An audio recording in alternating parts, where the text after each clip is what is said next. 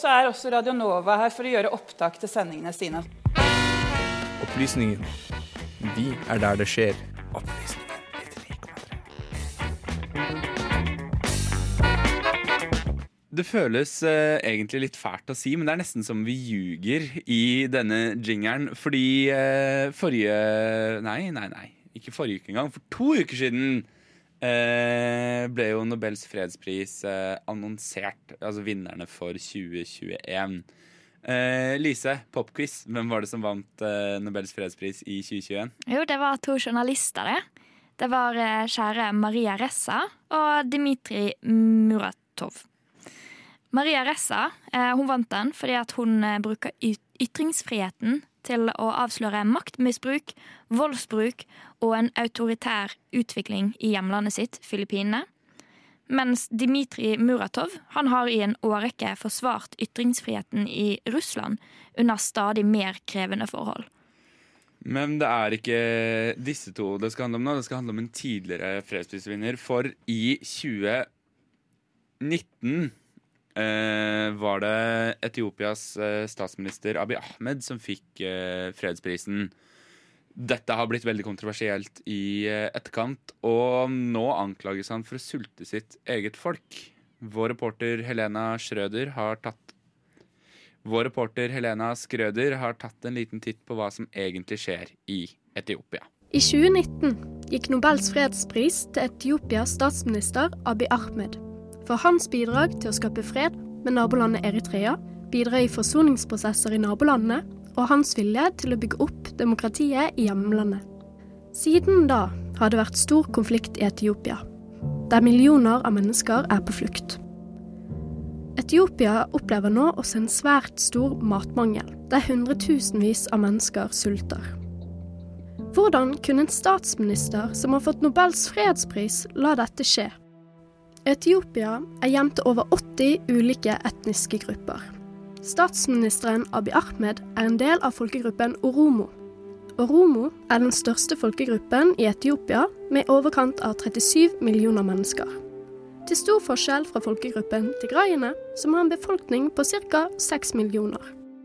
Nord i Etiopia ligger Tigray-regionen, en stor region som ønsker økt selvstyre. I november 2020 gikk styresmaktene i landet til militært angrep på opprørsstyrker og lokale myndigheter i regionen.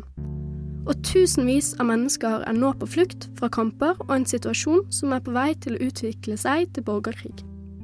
Pga. denne konflikten opplever nå Etiopia også en svært stor hungersnød, der hundretusenvis sulter. Hungersnød kan oppstå ved dårlige avlinger og naturkatastrofer, men denne matmangelen Etiopia, og spesielt Tigray-regionen, opplever nå, er ikke pga. naturkatastrofer. Den er menneskeskapt. FNs nødhjelpssjef Martin Griffith har selv kommet ut og sagt at dette er menneskeskapt, og kan bli løst gjennom et regjeringsvedtak. Ifølge FN skyldes sultkatastrofen at Abiy Ahmeds regjering bevisst har blokkert nødhjelp til Tigray etter at TPLF, Tigray-folkets frigjøringsfront, gjenerobret makten i regionen i sommer. Men Etiopias regjering nekter for at de står bak denne handlingen. USA varsler at Tigray-regionen i Etiopia snart vil gå helt tom for mathjelp.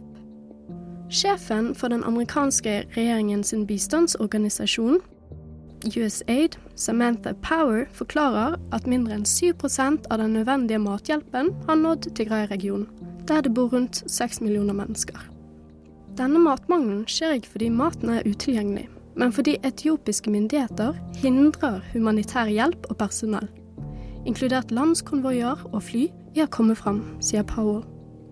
USAID har varslet at opptil 900 000 personer i Tigray står i fare for hungersnød i det som har blitt kalt verdens verste sultkrise på ti år.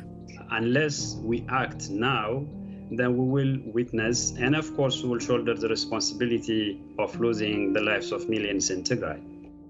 Johannes Abraha representerer TPLF, Tigray-folkets frigjøringsfront, utenlands. Frem til i fjor jobbet han for den etiopiske regjeringen, men han anklager dem nå for å ha holdt tilbake mat som et krigsvåpen. If they don't get the uh, necessary and uh, emergency food aid, then uh, we will witness the catastrophic famine that we have witnessed in Ethiopia in the uh, 1970s, 80s. Hva kommer til å skje videre? Slik det eskalerer seg nå, vil Etiopia kanskje oppleve en borgerkrig i nærmest framtid, hvis ikke regjeringen gjør noe. Millioner av etiopere hadde fått et nytt håp i landet etter at Abiy Ahmed fikk fredsprisen. Men nå, to år senere, har tilstanden i landet forverret seg. Disse menneskene lider pga. regjeringens håndtering av denne konflikten. Og det ser ikke ut som at denne konflikten kommer til å løse seg i nærmeste framtid. Situasjonen kommer derimot til å forverre seg.